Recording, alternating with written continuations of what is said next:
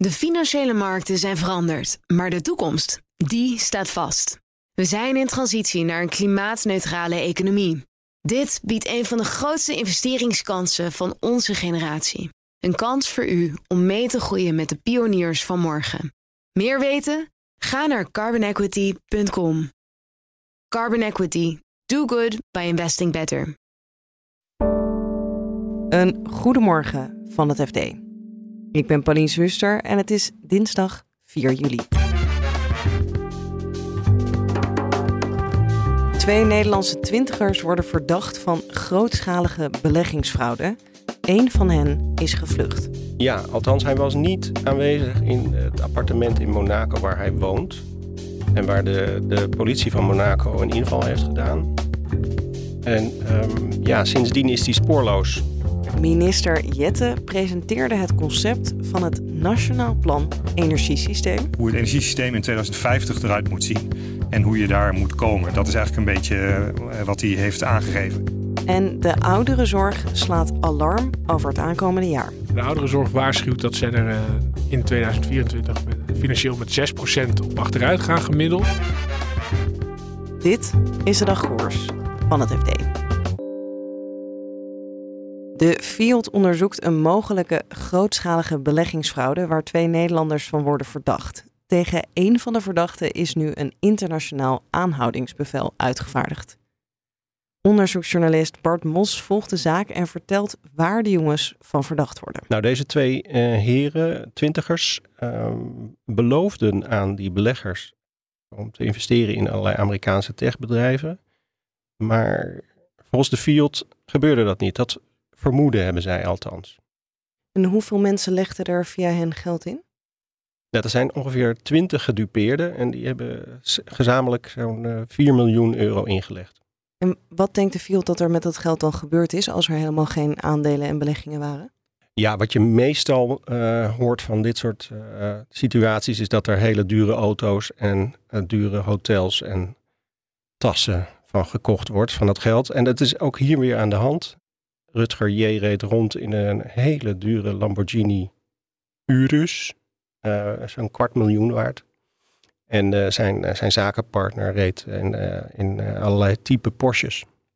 En er zijn dus twee verdachten. Tegen een van hen is nu een internationaal aanhoudingsbevel uitgevaardigd, want hij is gevlucht.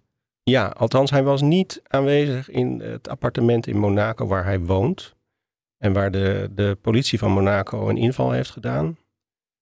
En um, ja, sindsdien is hij spoorloos. Hij vloog vaak tussen Monaco en Dubai. Dat was zijn favoriete uh, hangout, zeg maar. Maar ja, hij is uh, sindsdien niet meer gesignaleerd. En zijn zakenpartner, de andere verdachte, uh, die is opgepakt geweest, inmiddels weer vrij. volgens mij, wat is zijn verhaal? Ja, dat is Crispijn de K.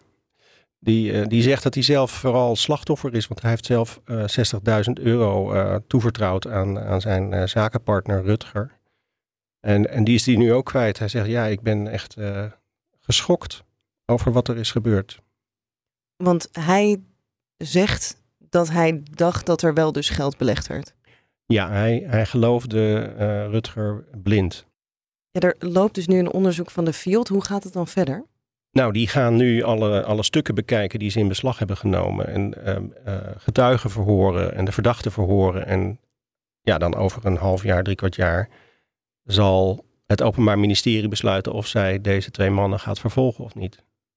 En dan ondertussen duikt hopelijk Rutger J. nog een keer op. Jullie, jullie hebben hem zelf niet te spreken gekregen? Nee, we hebben hem uh, op allerlei manieren uh, geprobeerd te benaderen, maar hij is uh, onbereikbaar.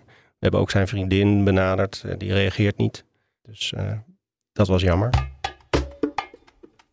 Minister Jette presenteerde gisteren het concept Nationaal Plan Energiesysteem. Onze energieverslaggever Bert van Dijk was erbij, sprak met Jette en vertelt jou nu vanuit Den Haag wat dit plan precies inhoudt. Ja, dat is uh, best wel lastig, want um, er staat zoveel in. Maar ik denk als je het echt helemaal tot de kern afpelt, dan betekent het dat, dat Nederland ja, maximaal gaat inzetten op de uitbouw van hernieuwbare energie. Dus van nog meer windturbines, nog meer zonnepanelen. Uh, tot het ja, maximaal haalbare eigenlijk.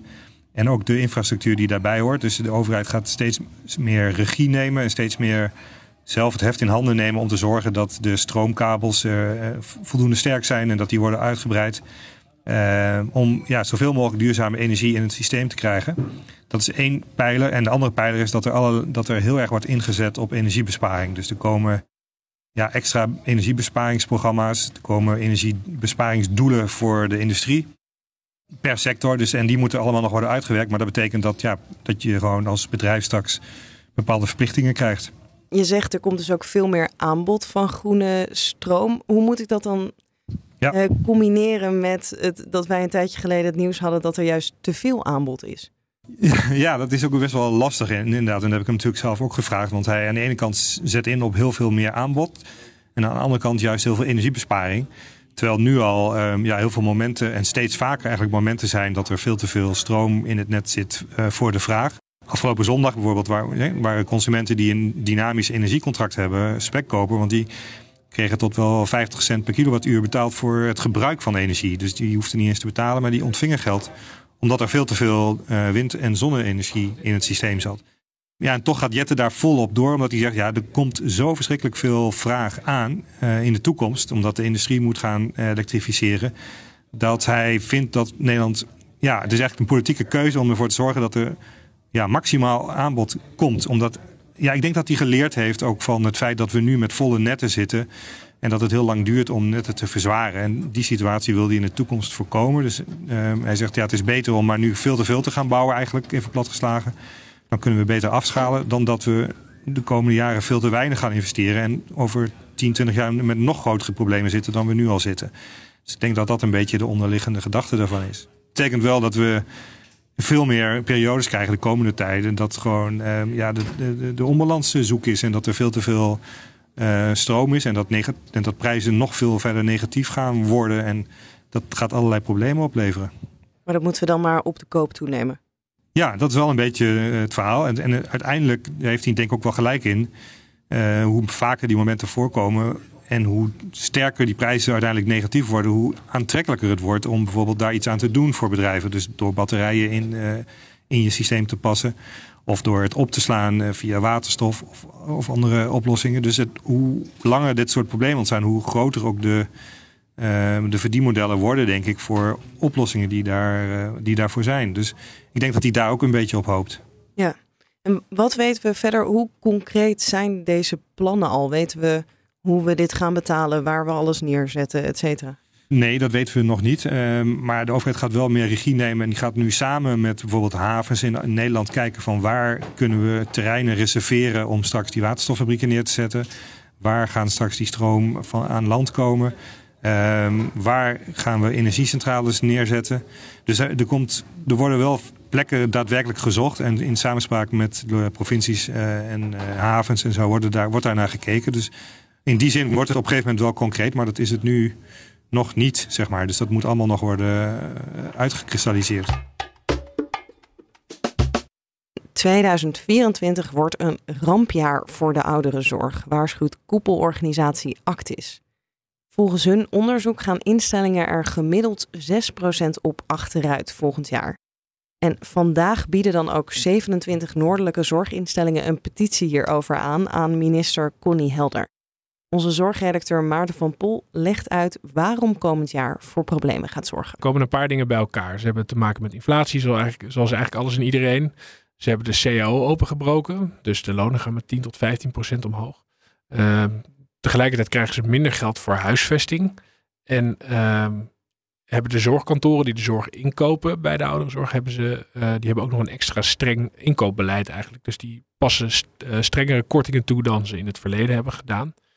En tegelijkertijd uh, hebben die uh, ouderenzorg het ook te maken met dat de mensen die ze helpen eigenlijk steeds zwaardere zorg nodig hebben. Dus het idee is dat mensen die uh, zoveel mogelijk thuis blijven wonen en daar ook geholpen worden, maar de mensen die nog wel zorg krijgen in een verpleeghuis, die, zijn eigenlijk, die hebben steeds zwaardere zorg nodig. Dus dat is duurder om te leveren. Dus eigenlijk die combinatie van al die dingen bij elkaar maakt dat ze financieel krap zitten, klemkomend zitten. En dat komt net op het moment dat uh, de overheid, uh, die wil juist de uh, ouderenzorg hervormen. En wat nu eigenlijk dus de, die instellingen zeggen is, wij zijn het best eens met de beweging. Niet iedereen is het overal mee eens, maar in grote lijnen best wel. Maar dat lukt alleen niet om die stap te maken als we nu al uh, eigenlijk het water al aan de lippen staat. Ja, en ze kunnen ook de tarieven natuurlijk niet omhoog doen, want daar gaan ze dan zelf niet over. Nee, daar gaan ze zelf niet over. Dus uh, dat zegt de bestuurder van Actis ook. In elke andere sector, als de kosten omhoog gaan, dan probeer je dat in ieder geval een deel door te berekenen aan je klanten. Maar in de zorg werkt dat niet zo. Nee. En vallen ze dan ook gelijk om? Hoe groot is die nood? Nou, uh, de meest gemiddeld gezien hebben ze best wel een hoge solvabiliteit. Dus ze hebben best wel ruime buffers. Uh, dat geldt eigenlijk voor, uh, voor een groot deel van de zorg. Um, dus het is niet zo dat ze acuut omvallen. Het is meer dat bijvoorbeeld investeringsbeslissingen uitgesteld moeten worden. Een deel van de investeringsbeslissingen is weer nodig om die hervorming in te zetten. Want wat moet die toekomst zijn? Nou, in het heel kort, hoe de minister het altijd zegt, is dat mensen zelf, ouderen, die hulp nodig hebben, zelf waar het kan, thuis waar het kan en digitaal waar het kan. Dus in plaats van het beeld dat we vroeger iedereen gewoon naar een verpleeghuis of een verzorgingshuis stuurden en uh, geregeld, dat nu zoveel mogelijk mensen thuis moeten blijven wonen en daar die zorg op een zo efficiënt mogelijke manier moeten uh, ontvangen. Nou, daar kan je van alles van vinden, maar dat is in ieder geval wel in hele grote lijnen de beweging die ze inzet. Ja, en daar is de ouderenzorg nog niet aan toe om dat al zo in te vullen. Nou, er zijn bepaalde voorwaarden, uh, heb je dan, die moet je wel geregeld hebben. Dus als je bijvoorbeeld wil dat mensen zoveel mogelijk thuis blijven wonen, dan moet er wel genoeg wijkverpleging zijn om als mensen toch hulp nodig hebben, dat die er wel is.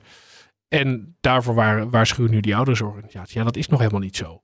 Dus we kunnen niet nu een knop omzetten en uh, bij de volgende hamerslag uh, doen we het op die manier. Dat heeft tijd nodig en ze hebben het idee dat ze die tijd niet krijgen met al die financiële druk erop.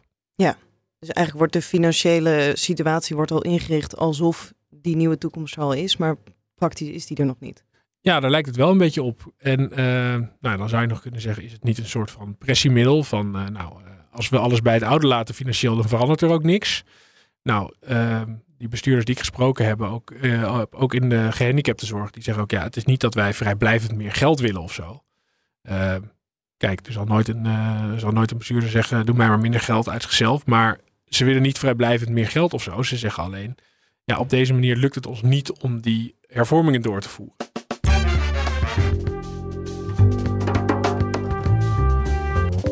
Dit was de dagkoers van het FD. Morgenochtend zijn we er weer. Volg ons dus vooral in je favoriete podcast-app, dan mis je geen aflevering. En wil je het laatste financieel-economisch nieuws volgen? Ga dan natuurlijk naar fd.nl of naar de FD-app. Nog een hele fijne dag en graag tot morgen.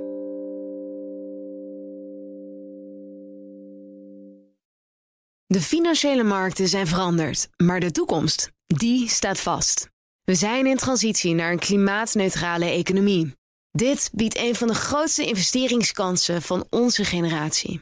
Een kans voor u om mee te groeien met de klimaatoplossingen van morgen. Meer weten? Ga naar carbonequity.com. Carbon Equity. Do good by investing better.